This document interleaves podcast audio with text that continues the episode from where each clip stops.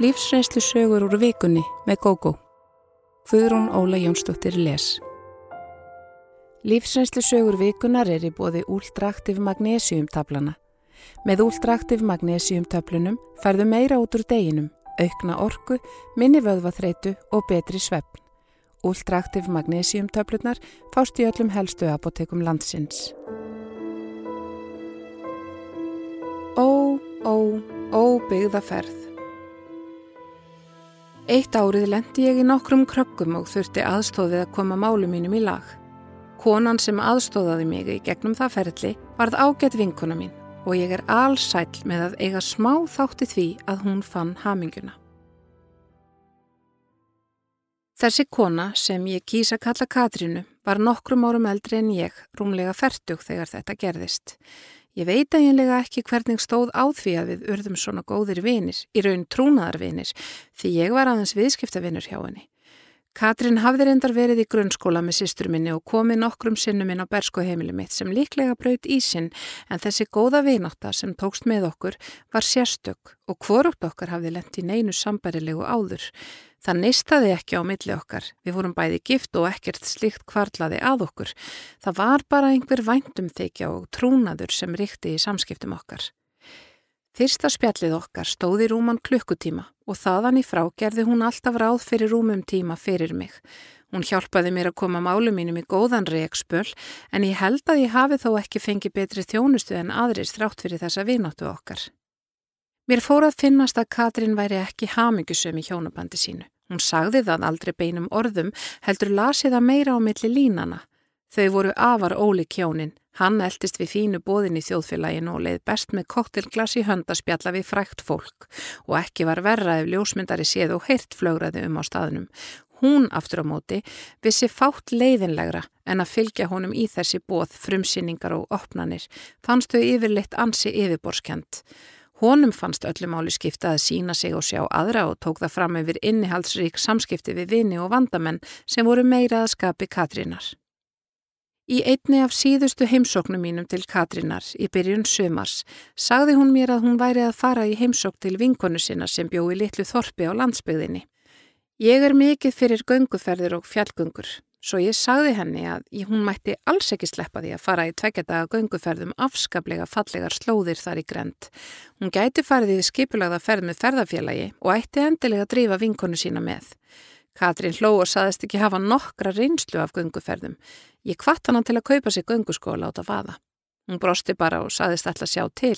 Liklega leti hún nú samt verða af þessu því vinkonu hennar fyndi skaman að ganga. Sumar í leið, ég vann eins og hestur og annað barn okkar hjóna kom í heiminn. Með góðum ráðum frá Katrínu hafði okkur tekist að halda íbúðinni og allt horfið til betri vegar hjá okkur. Ég var komin í velborgaða vinnu en erfileikarnir hófust hjá okkur þegar ég misti gott starf vegna samdráttar og gekk illa að fá annað þótt ég væri vel mentaður. Það var komið haust þegar ég kíkti í heimsók til Katrínar á skrifstofana hennars. Þetta var bara vinarheimsókn. Ég hafði ekkert erindi en langaði bara hitt hana fyrst ég var á ferðinni niður í bæ.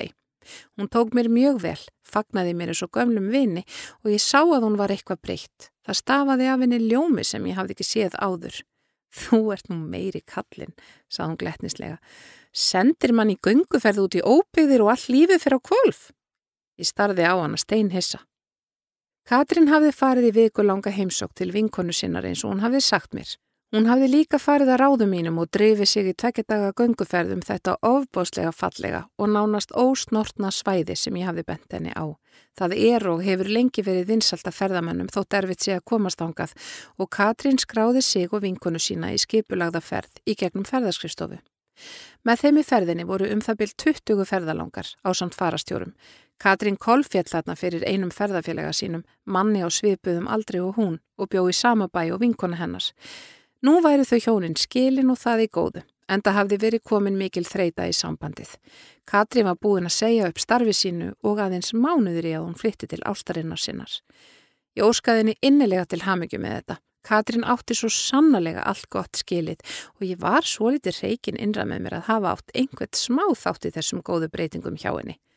Mér var skapi næst að ringja í þig og segja þér frá þessu, sagði hún, og ég hefði gert það ef þú hefðir ekki komið. Ekki vildi ég hverfa úr borginni án þess að þú vissir ástæðuna og hvaða þáttu áttur í því.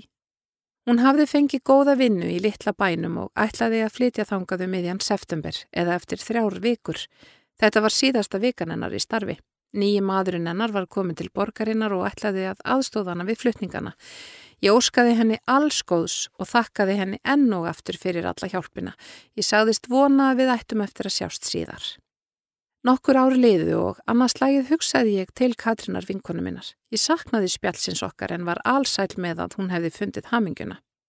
Ég fekk spennandi starf sem krafðist ferðalaga um landið annars lagið og einn daginn skráði ég mig inn á hótel í bænum hennar Katrínar. Hún hafði sagt mér hvar hún inni og ég vonaði að það hefði ekki breyst. Fyrsti fundur dagsins hjá mér var ekki fyrir en eftir hádegi, svo ég ákvaða að fara á skrifstofuna og aðtuga hvort ég fyndi Katrínu. Ég spurði eftir henni í afgriðslinni og þegar hún kom fram, ljómað hún af gleði og bauð mér inn til sín. Hún gaf mig kaffi og við náðum að spjalla saman í smá stund. Nýja lífið hennar var dásamlegt. Hún var jafn ástfangin á manninum sínum og fyrst, sagði hún, og litli bærin hafði tekið henni opnum örmum. Hún upplifði sig aldrei sem aðkomi mannisku á staðnum og það sakaði öruglega ekki að eiga mann af staðnum og vinkonu búsetta þar. Katrín sagðist hugsa með hálfgerðum hryllingi til gamla innihaldslausa lífsinsins þar sem lífskeða kapplöpið skipti meira máli en sálaró og hún og fyrir maður hennar stunduði snoppuð bóð og parti í stað þess að fá orku úr náttúrunni eins og hún gerði núna með manni sínum. Mikið glattiða mig að sjá hana svona hafmyggjur sama og ég fór að hugsa um þessar skemmtilegu tilviljanir í lífinu. Ég hitt hana til að fá aðstóð, okkur verður óvænt vel til vina, svona þannig séð, ég hvet hana eindregi til að fara í þessa gönguferð og við það breytist lífinnar. Ef ég hefði ekki verið svona ákveðin, er ekkert vist að hún hefði farið. Hver veit hvort hún hefði nokkur tíma hitt þennan frábæra mann sinn? Sjálfur hef ég lendi í ýmsum tilviljunum í gegnum tíðina. Eitt sinn sem úlingur hljóp ég á eftir strætó og þótt bílstjórun hefði séð mig ókan áfram. Í raun vorum við tveir sem hann skildi eftir og næsti vagn ekki vantanlegur fyrir hann eftir hálftíma. Við fórum að tala saman á stoppustöðinni og urðum bestu vinir í kjölfarið þótt ekki værum við í sama skóla. Hann er enn í dag besti vinur minn og konurnar okkar miklar vinkonur. Það þakka ég þessum bílstjóra sem var á ofmikið hraðferð til að nenna að stoppa fyrir okkur stráklingunum. Ekki finnst mér líklegt að við hefðum kynst nema vegna þessara tilviljunar. Ég hef af og til frett af Katrínu og hún er alltaf jafn lukkuleg með lífið og tilveruna. Drópin hólar steinin Ég var gift í rúman áratug, indislegu manni. Það skegði samt á hamingu mína hvernig tengdamóður mín kom fram við mig. Ég var aldrei nógu fín fyrir són hennar. Við villi kynntumst á skemmtistað. Hann var í háskólanámi en ég vann í tískuverslun. Við kolfjallum hvort fyrir öðru og áður en ég vissi af var hann fluttur til mín. Áður hafði hann búið í lítilli kallara íbúð í húsi fóreldra sinna. Hann þurfti ekki á námslánum að halda. Áður hafði hann borðað hjá fóreldrum sínum og búið frítt í kallaranum en fyrir sömarvinnu launin gæti hann keft sér námsbækur og left sér að fara út á lífið af og til. Nú sá ég fyrir honum en hann átti bara tæft ár eftir að námi.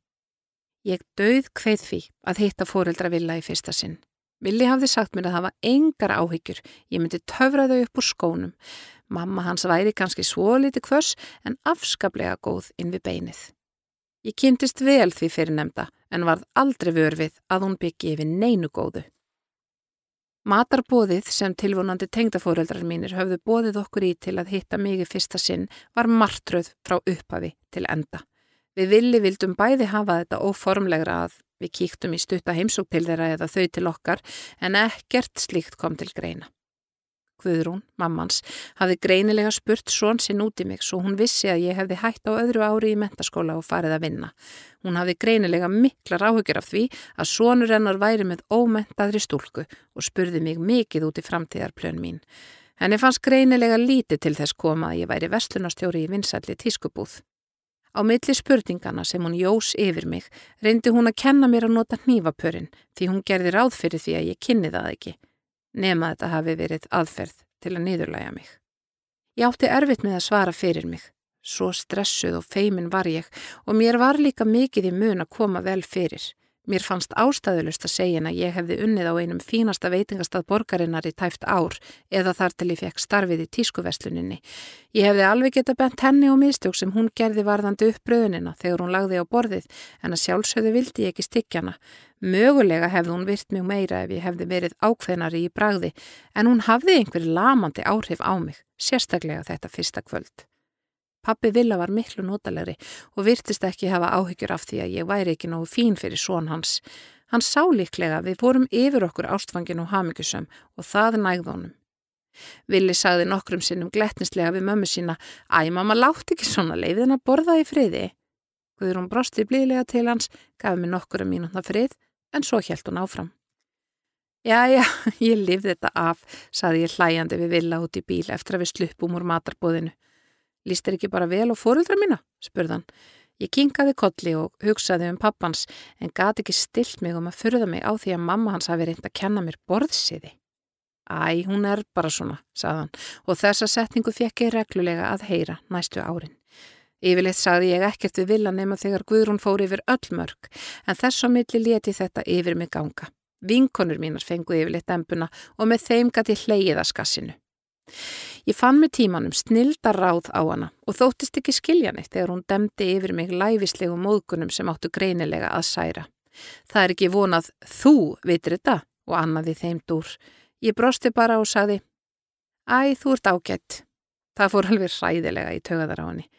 Ég reyndi að láta hana aldrei finna hvað orð hennar gáttu sært og það var besta aðferðin á hana.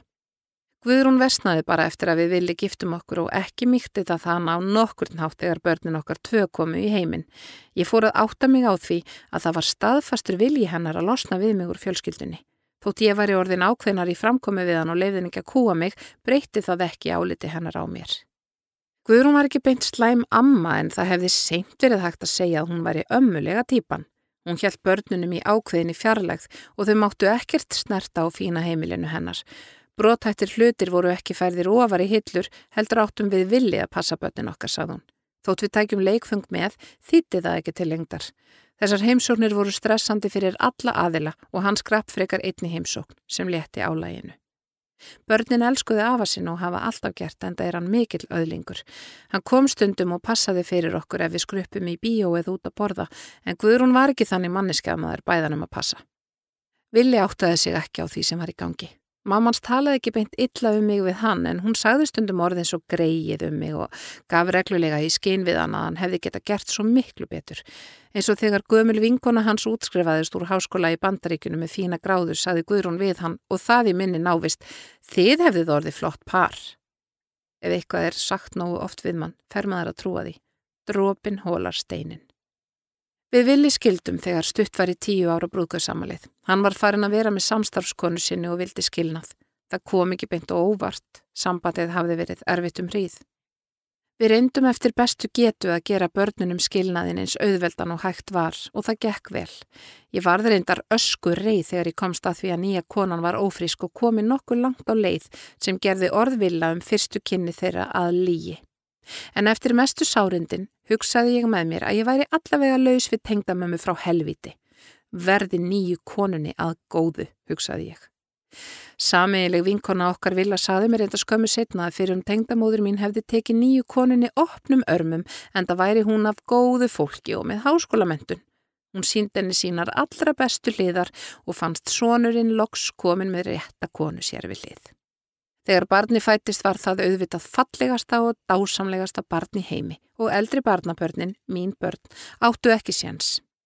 Þau höfðu svo sem aldrei verið sérlega hændað ömmu sinni og ekki bætti úr skáka þau fundu hvað henni þóttu meira til nýja barsins hans pappa koma en þeirra.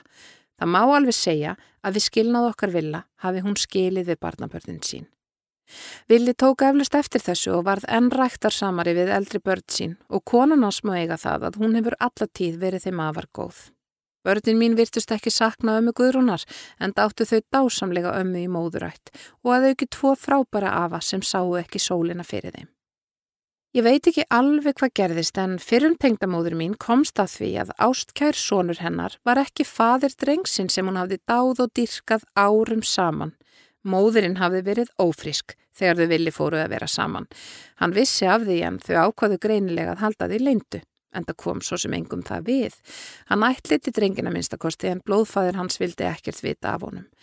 Guðrún tók þessu mjög illa og skyndilega var fína tengdadóttirinn komin í ónáð og hún vildi ekki sjá drengin sem hún áður hafði haldið svo mikið upp á. Nú var eins og Guðrún myndi eftir því að hún ætti tvö alvöru barnabörn út í bæ. Hún reyndi að nálgast þau en hafði ekki erindi sem erfiði. Þau skildi ekki hvað amma þeirra var allt í einu alminnileg við þau. Vissulega heimsóttu þau hana af og til en aðeins af skildurækni. Það var orðið allt of seint að koma á góðum tengslum. Guðrún tók nú tengdadóttur sína í sátt með tímanum og glattist vist mjög þegar hún fekk alnöfnu þegar Vili og konan hans eignuðu stóttur. Ég vona bara að hún hafi sínt eldrabarninu almennilega framkomu.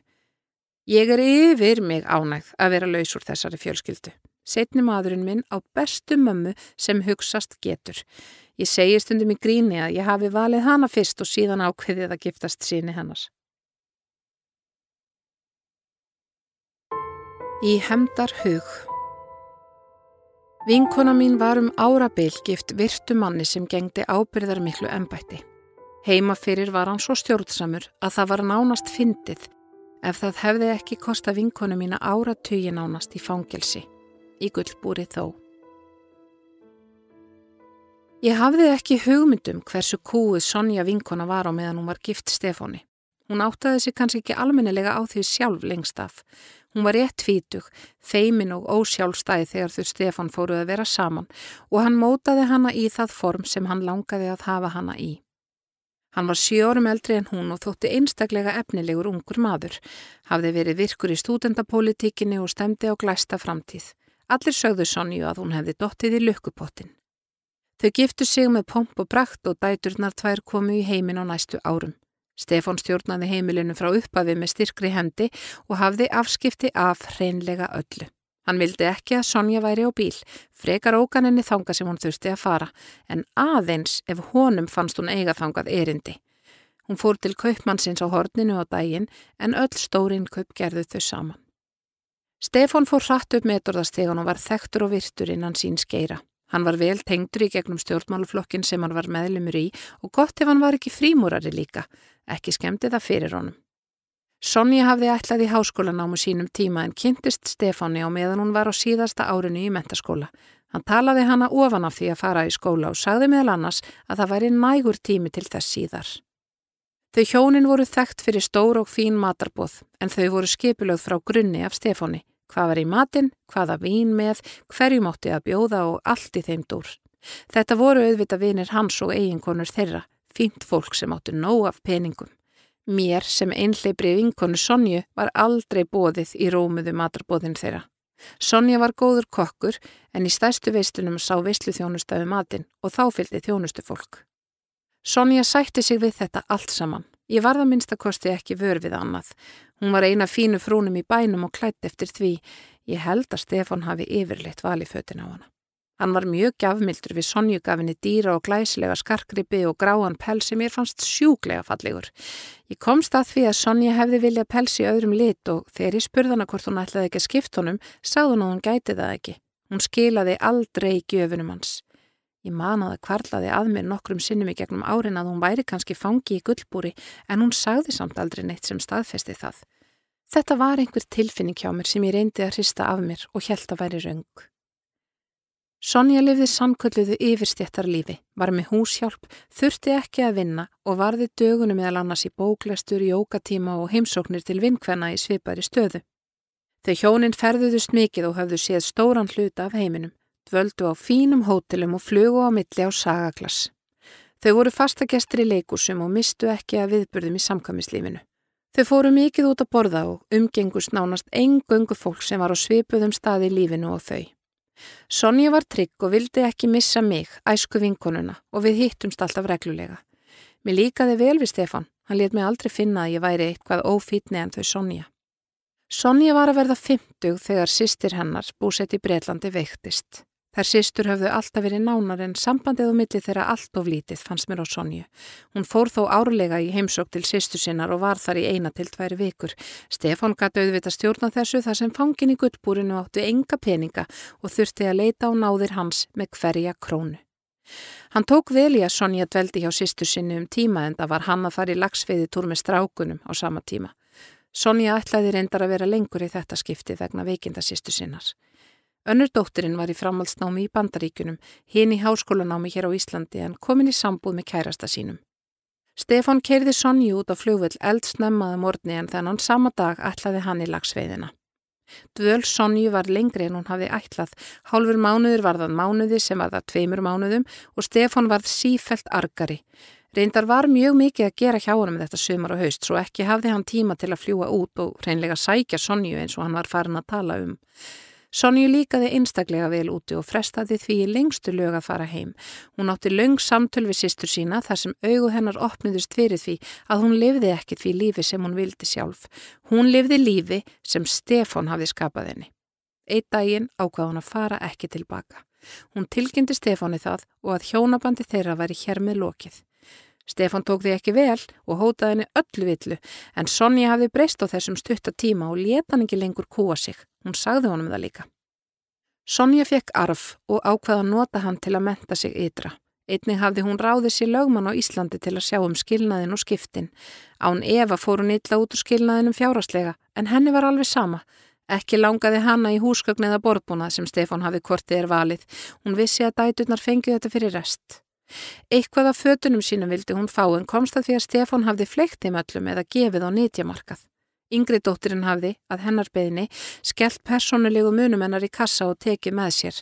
Stefan hafði skipt skarkripum Sonju á milli dædrana en þær sáu til þess að hún fjekk fyrir rest þar sem hún hjælt mest upp á af þeim, án vitundar föður þeirra. Sonja kynntist breyta sem kendi við skólan þar sem hún stundaði námsitt og með þeim tókust ástir. Þótt skilnaðurinn væri gengin í gegn á þessum tíma komst Sonja að því að Stefan hefði orðið kolbrjálaður þegar hann frétti það. Eins og hann hefði beðið eftir því að hún kæmi skrýðandi tilbaka til hans þegar London væri orðin leiðigjörn. Rúmum þremur árum eftir skilnaðin eignaðist önnur dóttirinn barn og Sonja dreif sig af stað til Íslands til að sjá litla undrið í eigin personu. Einhvern veginn komst Stefan að því að hún værið að koma og með hvaða flugi. Hann var áhrifamikill á Íslandi og auðvita var tekið mark á því þegar hann let vita af því að Sonja ætlaði að smigla inn eiturlifjum. Hún vissi ekki hvaðan áseg stóðu veðrið þegar henni var kift afsýðis og leit gerði farangri hennar. Þegar ekkert fannst tók við niðurlegandi líkamsleit sem heldur engu skilaði og þá var farið með hana til Reykjavíkur í gegnum lýsingu. Hún gati ekki látið tengdarsón sinn vita en hann beigð áranguslöst eftir henni á fljóðvellinum. Auðvitað gatt Sonja ekkert sannað og eflust hefði kæra og hendur Stefáni aldrei komist langt. Þetta var andstikileg reynsla og ekki möguleiki að þetta hafi verið tilviljana kent úrtakja á tollinum. Tollverðinir voru svo vissir í sinni sög þegar þeir leituðu að þeir ætluðu ekki að trúa eigin augum þegar ekkert fannst.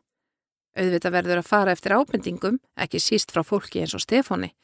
Hvorki lögreglan í tollur vissi að þau voru aðeins verkværi Lítils Karls sem vildi hefna sín á fyrirverandi eiginkonu. Mér hefur verið sagt að þetta sé ekkert einstæmi. Sonja glemdi öllum óþægjendunum þegar hún hitti barnabarni sitt og heimsóknin var indisleg. Hún býr enn ytra en kemur nokkuð oft til landsins en það hafa barnabörnin, nú fjögur, mikið aðdráttarafl. Hún býr með háskóla kennaranum sínum og þau virðast yfir sig ánað hvort með annað. Sonja talar ekki mikið um Stefán og vil meina að hann sé alls ekki alls læmur. Hann hafi bara viljað móta hanna í form sem passaði henni alls ekki. Nú geti hún loks breytt út vangi sína sem hún hafði þráð svo lengi að gera en ekki fengið.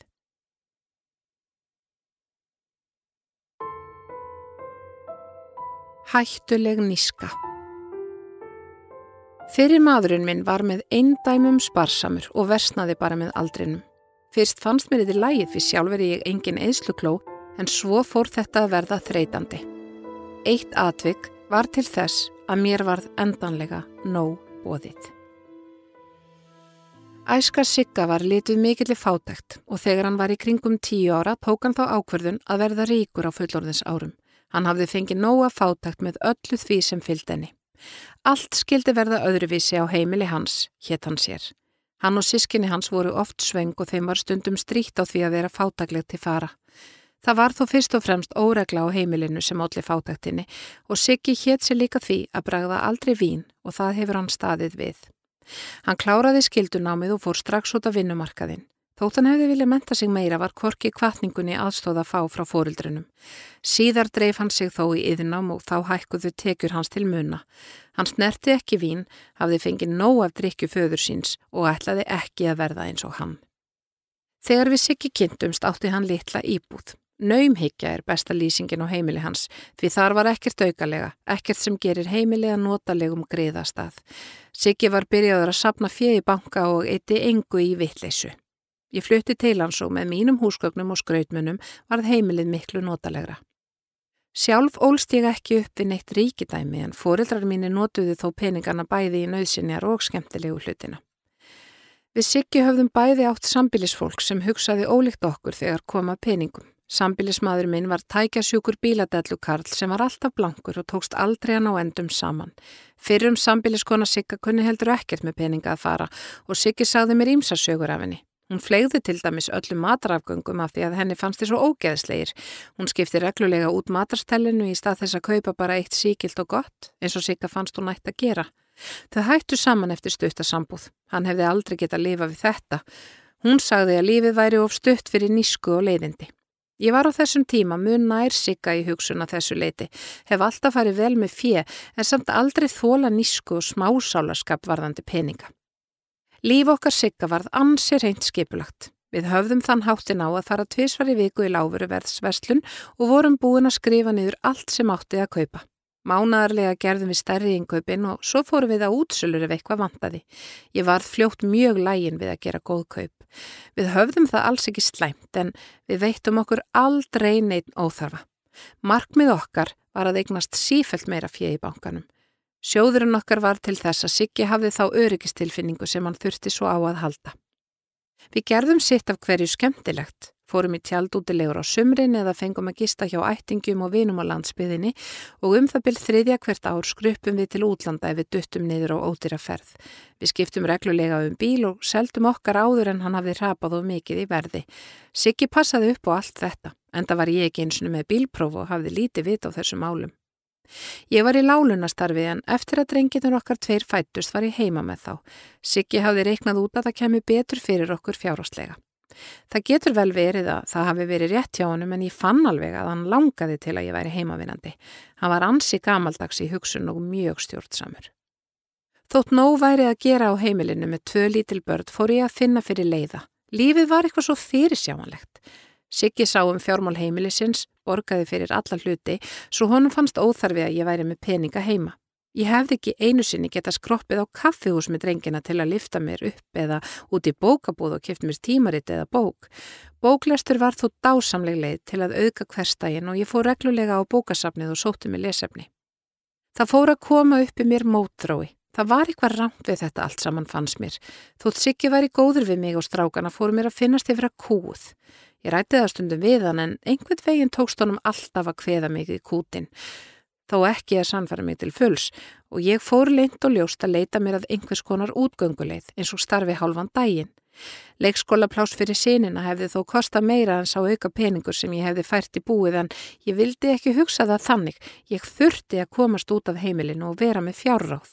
Siggi mátt ekki heyra minnst á ég færi í skóla. Ég hefði enga þörf fyrir það, sagðan. Þótt ég ættu auðvitað helmingin af öllu okkar fannst mér ég samt ekkert eiga. Það hefði verið nýðurlægandi að fá vasabinninga hjá Sigga en enn meira nýðurlægandi að fá þá ekki. Hvorugu okkar datt á í huga það gæti verið öryggisatriði að hafa handbært fyrir heima fyrir. Eitt daginn slasaði eldri drengurinn sig. Hann hafði verið að príla upp í efri kójuna en datt svo illa nýður að hann handlegsbrotnaði. Nú voru góður á dýr, ekki náðist í Sigga Hann var í verkefni fyrir utan borgina og svaraði ekki í kemsan. Það eina sem er dætt í hugi ofbóðinu var að leita á náðir nágrannakonu minna sem ég vissi að væri í sumarfríi og ég hafði séðinni bregða fyrir skömmu áður. Ég fór með þann slasaða í fanginu og hinn hangandi í pilsfaldinum yfir og sem betur fyrr var hún enn heima. Hún tók yngri strákin fyrir mig og lánaði mér peninga sem nægðu fyrir leigubil báðara leiðir og rúmlega það. Við komumst strax að á Slísó. Drengurinn jafnaði sig fljótt á óttanum og var einstaklega reikin af gifsinu sem hann fekk. Siggi varð miður sín þegar hann kom heim um kvöldið og fekk fréttinnar. Ég var einstaklega ósátt og sagðunum að mér hefði þótt skammarlegt að eiga ekki fyrir leigubildi læknis með slasað barnið og þurfa að leita á náðir nágranna. Þetta gæti ekki haldi svona áfram. Siggi fór strax í vörn og spurði mig hvort ég heldi virkilega að svona slís gerðust oft. Drenginir væru ornir þryggja og fimm ára og hefðu aldrei á slís og komið. Með því að vera alltaf með lausafjö myndi maður bara í það í vittlisu og það vildum við ekki. Væru ekki allir skápar hér fullir af mat? Hvað þyrti meira? Við þessi viðbröð sigga gerðist eitthvað í kollinum á mér og ég áttaði mig setna á því að þetta var uppa við að endalókunum hjá okkur. Það hefði eflust eitthvað gerst fyrir það síðar. Ég færi að vinna og yrði fjárráða en mér fannst sparsemi sigga þó orðina sjúgleiri nísku því hann versnaði bara með árunum. Ég fann eflust enn meira fyrir þessu því ég var heimavinnandi og peningalus. Siggi var ekki sáttur við að skilja en samþykti það þó fyrir rest. Skilnaðurinn fór fram í góðu sem betur fyrr. Ég stakk upp á því að við yrðum með viku og viku fyrirkomulega með börnin sem þá var farið að reyðja sér til rúms en þá hefðum við sikki þurft að búa í sama hverfinu. Ég gerði mér fyllilega grein fyrir því að með því að vera ein með strákana og skrimta á lágum launum gæti ég lendi fátakaragildru. Á meðan gæti sikki unni nánast allan sólaringin og sapna sér enn fleiri miljónum. Sikki var ekki til í þetta. Vildi ekki draga úr vinnu sinni en sagðist frekar vilja borga tvöfalt meðlag með drengjunum. Hann stóð við það og gerði í rúm tvö ár sem unaði ótrúlega miklu fyrir okkur. Siggi hefði heldur alls ekki viljað að börnina spikju við fátækt og hver veitnum hann hafi reiknað út að það kemi betur út fyrir hann fjárháslega að búa einn og geta unnið eins og skeppna. Eftir skilnaði náði ég að kaupa ágeta þryggja herbyrkja íbúð. Mér tókst síðar að koma mér á gott en nokkuð dýrt námskeið sem jóg til muna möguleika mín á að fá góða vinnu og þar með betri laun. Siggi vinnur hann mikið og á eflaust digra sjóði í banka. Hann er svo varkári fjármálum að hann tapaði engu í hruninu, leti ekki blekkjast af kostabóðum um hærri vexti. Hann hefur ekki gifst aftur eins og ég gerði, en hann hefur eitthvað verið að slá sér upp. Ég held að hann hljóti að fæla konur frá sér með því að vera svona nískur og saman saumaður.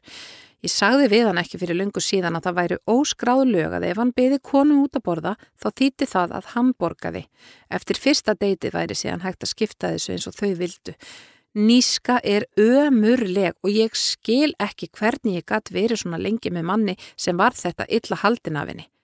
Eftir á að higgja held ég að ég hefði ekki fallið fyrir sigga á sínum tíma nema vegna þessa fyrrum sambilismanns míns. Ég setti sparsemi hans í sama flokk og öryggi og skinnsemi og síðustu árin okkar saman reyndi ég að réttlæta málinn með því. Siggi má eiga það að hann reyndi ekki að láta aðra borga neitt fyrir sig, hann bara rík hjælt í eigið fjö. Ég hef kynst nísku fólki sem reynir að hafa gott af öðrum og einnig annars konar nísku fólki sem óttast í sífellu að aðri reyni að hafa gott af sér. Maðurinn minn sem ég kynntist nokkrum árum eftir skilnaðin við Sigga er engin eðslukló en svo langt frá því að vera nískupúki sem hugsast getur. Mér finnst líf mitt núna svo miklu innihaldsríkara og skemmtilegra. Nýja mamman Ég var sjö ára þegar ég misti móðurum mína og að verða nýju ára þegar pappi fór að vera með annari konu. Konan var aldrei beint vond en hún gætti þess að halda góðri fjarlagð millir sín og okkar sískinana. Mamma lést af afleiðingum bílslis. Hún náði sér aldrei almennilega eftir harðan áreikstur sem hún lendi í sem farþegi í framsæti bíls vinkonu sinnar. Lát hennar kom flestum og óvart. Pappi sagði mér þó löngu setna að læknarnir hefðu aldrei gefið honum neina fullvissu um að henni batnaði en hann ætti þó að halda í vonina. Ég man enn áfallið og þær tilfinningar sem kviknuðu en atbyrðirnir í kringum andlátennar eru þó í þóku hjá mér. Bróðir minn, nokkru eldri, man betur eftir þessu en hann vil sjaldan ræða þennan tíma. Stella komin í líf okkar nokkru mánuðum setna. Pappi ræk fyrirtæki og oft var mikið að gera hjá honum. Hann nánast drekti sér í vinnu eftir dauða mömmu og við dvöldum því mikið hjá Ava og ömmu. Pappa þótti það ekki nógu gott svo hann ákvaða auglisa eftir heimilisjálp. Húsnaði fylgir, börn, engin fyrir staða. Stella var ný fráskilin og þessi vinna var eins og sniðin fyrir hana. Hún flutti inn í litla íbúð í kjallaranum sem pappi hafði komið í stand. Stella átti sjálf lítinn strák sem flutti með henni. Fljótlega komst lífið í vanagang. Stella útbjó morgunverð og kerði okkur börnin síðan í skólan. Það gerði hún lengi vel á gamla bílnum hennar mömmu sem hún fekk til umráða. Mér fannst það óþægilegt og bróður mínum líka en það vandist. Líklega hefur pappi ekkert hugsað út í þetta. Stella hugsaði vel um okkur líkamlega en hún gat verið frekar hranalegi viðmóti, ströng og vildi hafa allt í röð og reglu. Við komum okkur oftast sjálf heim úr skólanum og þá beigð okkar smurt brauð og kakó eða eitthvað í þá veruna. Stundum hafði Stella baka vöflur eða köku með kaffinu. Hún eldaði kvöldmat og þá var vinnu hennar lokið en sífelt oftar vildi pappi að þau maðgininn borðuðu með okkur. Þá vildi Stella ganga frá eftir matin og síðan fóru maðginni niður. Ég held að pappi hafi borgað henni mjög vel því þetta var ansi langur vinnudagur. Um helgar var Stella í fríi og þá sá pappi alfarið um okkur, eldaði mat eða bauð okkur út að borða og var ótrúlega uppfinningasamur við að gera eitthvað skemmtilegt. Við lifðum fyrir helgata með honum. Í minningunni voru þær ævintýri líkastar. Það kom stundum fyrir að Stella og sonur hennar komi með okkur í þessar ferðir og það var líka gaman þótt að væri öðruvísi. Einhverju mánuðum setna, kannski tæpu ári, fóru pappi og Stella að vera saman. Hún flutti inn til okkar og tók stjórnina á heimilinu. Þau pappi giftu sig með pomp og prakt nokkrum árum setna. Auðvitað þekktum við Stellu vel og okkur var vel við hana en mér leið samt eins og hún hefði tekið pappa frá okkur því allt breytist hratt. Ég er vissum að pappi held að hann hefði gefið okkur nýja móður en það var langt frá því. Allir í kringum okkur samklutist okkur sískinunum með að það var eignast nýja mömmu og ég vissi að ég átti að vera þakklátt. Stella held sömu fjarlag við okkur sískinin og áður. Hún var vingjalleg, stundum höstug, skammaði okkur sjaldan en síndi okkur aldrei blíðu hót. Ég sá Stellur reyndar aldrei vera innilega við svonsinn frekar en okkur en hann var greinilega vanur því. Ég hefði örglega þólað þetta miklu betur ef Stella hefði ekki reynd að fjarlæga allt það sem myndi á mömmu. Mamma hafði verið mikil hannirðakona og gert teppi og púða og ímislegt til að fegra heimilið.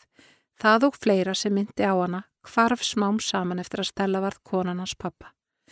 Mér finnst ekki óeðlilegt að ný húsmóður vilji setja eigin svip og heimilið en það var algjör óþarfið að fleia öllu dótinunnar mömmu. Stellu kom ekki til hugar að pakka því niður til varfiðslu fyrir okkur sískinin. Þegar ég spurði pappa eitt sinn hvað hefði orðið um dótiðana mömmu, yftan aukslum, spurði Stellu en hún saðist ekki hafa hugmynd um það. Hún bætti höstug við að lífi hjælti áfram og þá þýtti ekki að velta sér upp úr fortíðinni.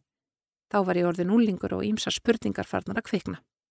Þótt í sig fullorðin kona hef ég innstinni ekki getað fyrirgefi stelu hvernig hún máði út allt sem myndi á mömmu. Ég hafði mikla þörf fyrir að tala um mömmu. Ég var hrættum að gleimin annars. Pappi hefði kannski átt að átta sig á þessu en hann var staðráðin í að hefja nýtt og haminguríkt líf með stelu. Áður hafði hann talað opinskátt við okkur um mömmu með hlýju og söknuði og ég hefði þurft á því að halda lengur. Ævintýra helgatar með pappa duttu líka alveg út. Við fórum vissulega í ferðalög og gerðum sitt á hverju skemmtilegt en allt var einhvern veginn breytt. Ástin á milli pappa og Stellu var nánast áþreifanleg. Þau voru greinilega nummer eitt hvort hjá öðru. Það gerði okkur sískinunum erfiðara um vik við að kvarta við pappa en það kunnum við ekki lengst af að koma þessum tilfinningum í orð. Auðvildar að vara að sætta sig við ástandið og hlakka til góðu en sjálfgefi stundana með pappa einum. Hann var meira hans sjálfur þegar við vorum ein með honum. Þegar við vorum öll saman passaði hann sig svo vel að gera ekki upp á milli okkar og svona stelu að hann var næstum betri við hann en okkur. Stella gerði ekki upp á milli okkar og eigin bars. Hún var eins við okkur öll. Hún gerði skildu sína sem móðir og stjúpmóðir og hugsaði vel um líkamlegar þarfir okkar. Við þurftum auðvitað á því að halda líka. Það var ekki fyrir en ég fór að vera með manninu mínum sem ég fekk þar sem ég virkilega vantaði í líf mitt, mikla ást og umhyggju. Öll hans fjölskylda tók mér opnum örmum frá fyrsta degi og þar er ekki hikað við að faðma við minsta tilefni.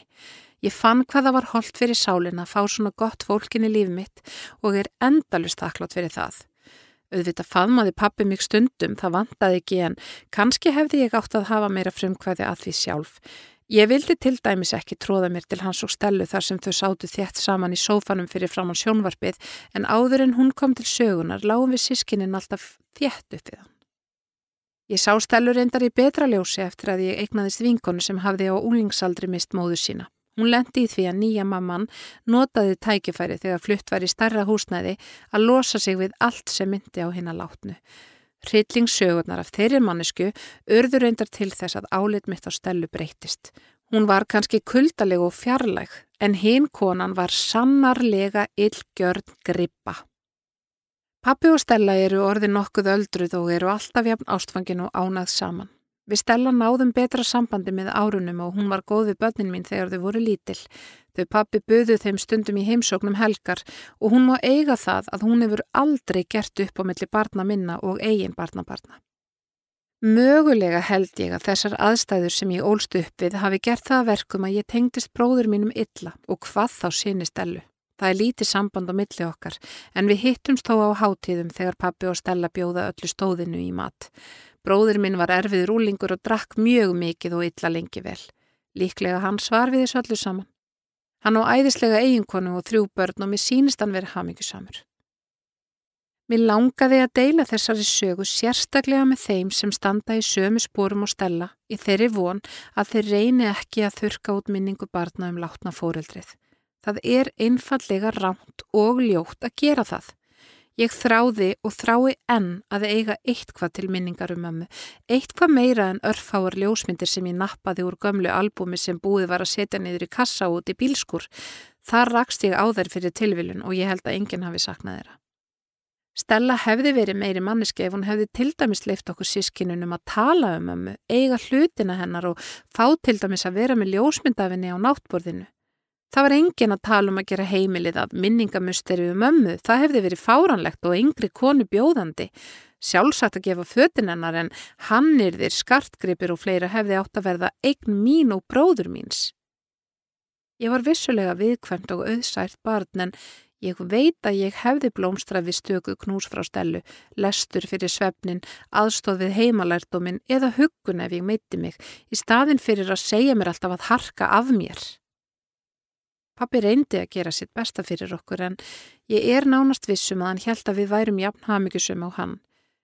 Ég held líka að Stella hafi engan megin átt að sig á því hvað viðmót hennar var særandi við börn sem voru í sárum eftir móðumissi.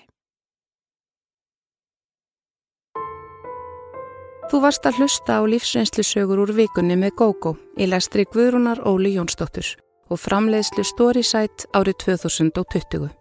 Höfundaréttur Vikan.